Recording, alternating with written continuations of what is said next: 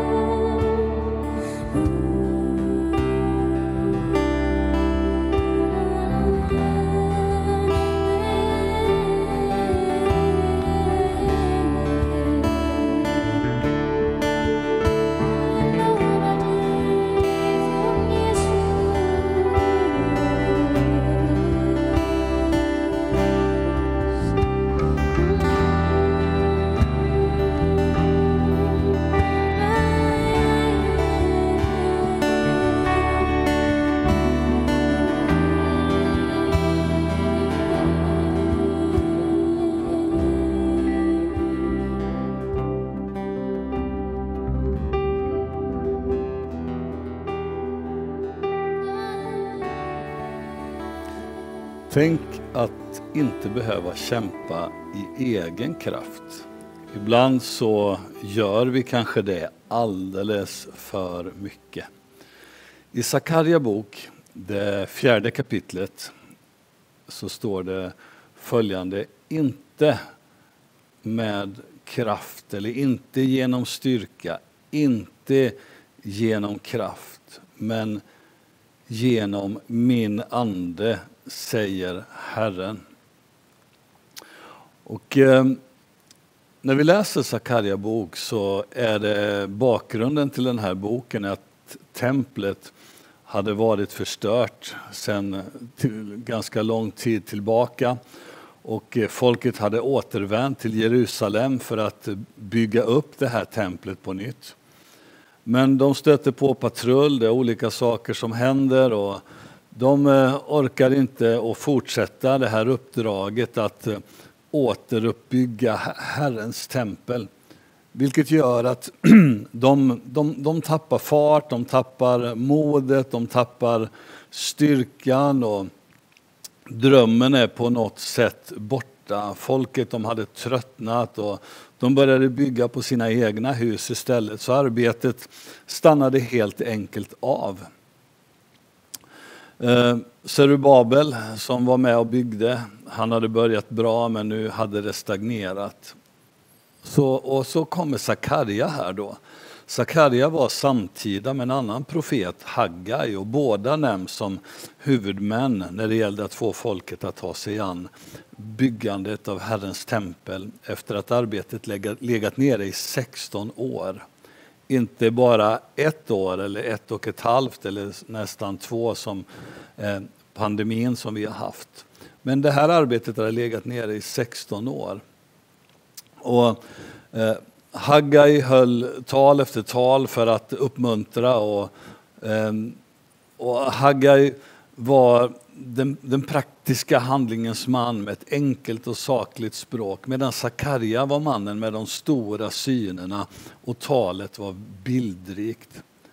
Och kanske är det så att flera av oss befinner oss i samma situation eh, rent känslomässigt. Vi har ouppfyllda drömmar, ouppfyllda mål, kanske visioner som har eh, nästintill dött och halvbyggda projekt. Om det är så, om det blivit en stagnation, om drömmarna har försvunnit, om du känner så att, att den där kraften och drivet inte finns kvar, vill jag säga till dig, fullgör verket. Ge inte upp för att det inte går framåt. Ge inte upp för att det inte händer något. Ge inte upp för att ingen uppmuntrar dig. Ge inte upp för att du har fastnat. Ge inte upp för att ingen uppskattar din kallelse och ge inte upp för att det är eh, lite motstånd och, och kritik. Utan bestäm dig för att fullfölja eh, det du har börjat. Inte genom styrka, inte genom kraft men genom min ande, säger Herren. Hur kan vi då bryta stagnationens förbannelse och avsluta det vi en gång börjat? Att fortsätta att bygga Guds rike. Jag vill ge dig några små korta punkter bara. För det första, fokusera på löftet och inte på problemet. Eh, i Jesaja så har Gud ett underbart löfte, det är i kapitel 55. Där säger han, liksom regnet och snön faller från himlen och inte återvänder dit förrän det har vattnat jorden och gjort den fruktbar eh, och ger säd till att så, bröd till att äta. Så ska det vara med ordet som går ut från min mun. Förgäves ska det inte vända tillbaka till mig utan att ha verkat vad jag vill och utfört det var till jag har sänt ut det. Det är Gud som säger de här orden att på samma sätt som regnet faller ner och, och, faktiskt gör verkan så är det med ordet som kommer ifrån hans mun. Och därför är det viktigt att du och jag fokuserar på löftet och inte på problemet. Dessutom är det Gud som har format dig i moderlivet. Han känner dig innan du ens föddes så kallade han dig till sig. Och han har lovat dig att han inte kommer att svika dig. Kom ihåg hans löften och fokusera på dem och inte på problemet. Han är större än ditt största problem. Det andra jag vill skicka med dig är att se det som Gud ser det, avslutat och färdigt. Och för att du ska kunna se det och klara av det och lyckas fullborda din dröm och din vision och det Gud har lagt ner på ditt hjärta så måste du se det så som Gud ser det. Ett fullbordat verk. Bibeln talar om Abraham som trons fader. Och vi, om vi, när vi läser om Abraham eh, i Första Moseboken 17 så är det till och med så att Gud ändrar på Abrahams namn. Från att ha hetat Abram, som betyder eh, fad, eh, upphöjd fader, till att få det här tillägget så att han, blir, eller han kommer att bli kallad för Abraham, som betyder fader till många folk. Alltså från Abram, upphöjd fader, till Abraham, fader till många folk. Så Gud ger honom eh, ett annat namn. Så varje gång när han presenterar sig för någon, varje gång någon ropar på honom, varje gång han var tvungen att skriva sitt namn, signa på någonting, du kan fylla på den listan, så bekände han det som var Guds plan för hans liv. Och det tog ett antal år innan löftet kom, eller löftet gavs tills hans son faktiskt föddes. Eh, 15 år om inte jag missminner mig. Och det var den första av många som skulle bli hans avkomlingar. Men han såg det fullbordat och fick bekänna det. Så för det första, fokusera på löftet och inte problemet. För det andra, se det som Gud ser det. Och för det tredje, ha en positiv attityd och inte en negativ. Det finns så mycket man kan gnälla över. Ibland så blir jag lite full i skratt. Vi pratar mycket om väder och vind i det här landet. Och först så går man och längtar efter värme och när väl värmen kommer så är det, oh, det är så varmt. Och sen när kylan kommer och det blir svalare och kanske regnigt, oh, det är så kallt. Och så håller man mig aldrig nöjd med någonting. Förklara krig mot sådana tankar och var nöjd med det som Gud har gett dig. Var nöjd med dagen och sluta leva i ångermanland och flytta till gåmanland istället. Där du är tacksam för det Gud har gett dig och du är tacksam för Guds löften. Ha en positiv attityd och inte negativ. För den positiva attityden är väldigt nära det som vi eh, ofta kallar för tro jag tror, jag, jag har ett, ett hoppets ankare. Så när vi, för att gå tillbaka till, till Sakarja, det fjärde kapitlet, så hade de ett stort berg framför sig egentligen av olika omständigheter som försökte hindra dem att bygga det som de var kallade till, att återuppbygga Jerusalems murar. Men så läser man i fortsättningen av det kapitlet från sjunde versen. Vem är du, du stora berg? Inför Serubabel ska du förvandlas till jämn mark. Till han ska föra fram slutstenen medan man ropar nåd, nåd över den. Och det här är ett ord från Herren till dig som känner dig uppgiven, som känner att du stagnerat och inte kommer någon vart. Guds ande vill jämna berget med marken för dig. Så håll fast vid de drömmar och mål Gud har gett dig. Kanske känns det segt just nu, men Gud ser även till de små stegen. Sluta inte att ta steg, utan se, håll fokus på Guds löften, håll fokus på vem Gud är och låt honom ge, göra verket. Ge inte upp, slutför det du har börjat, för Herren är med dig. Inte genom styrka, inte genom kraft, utan genom min ande, säger Herren Sebaot. Amen.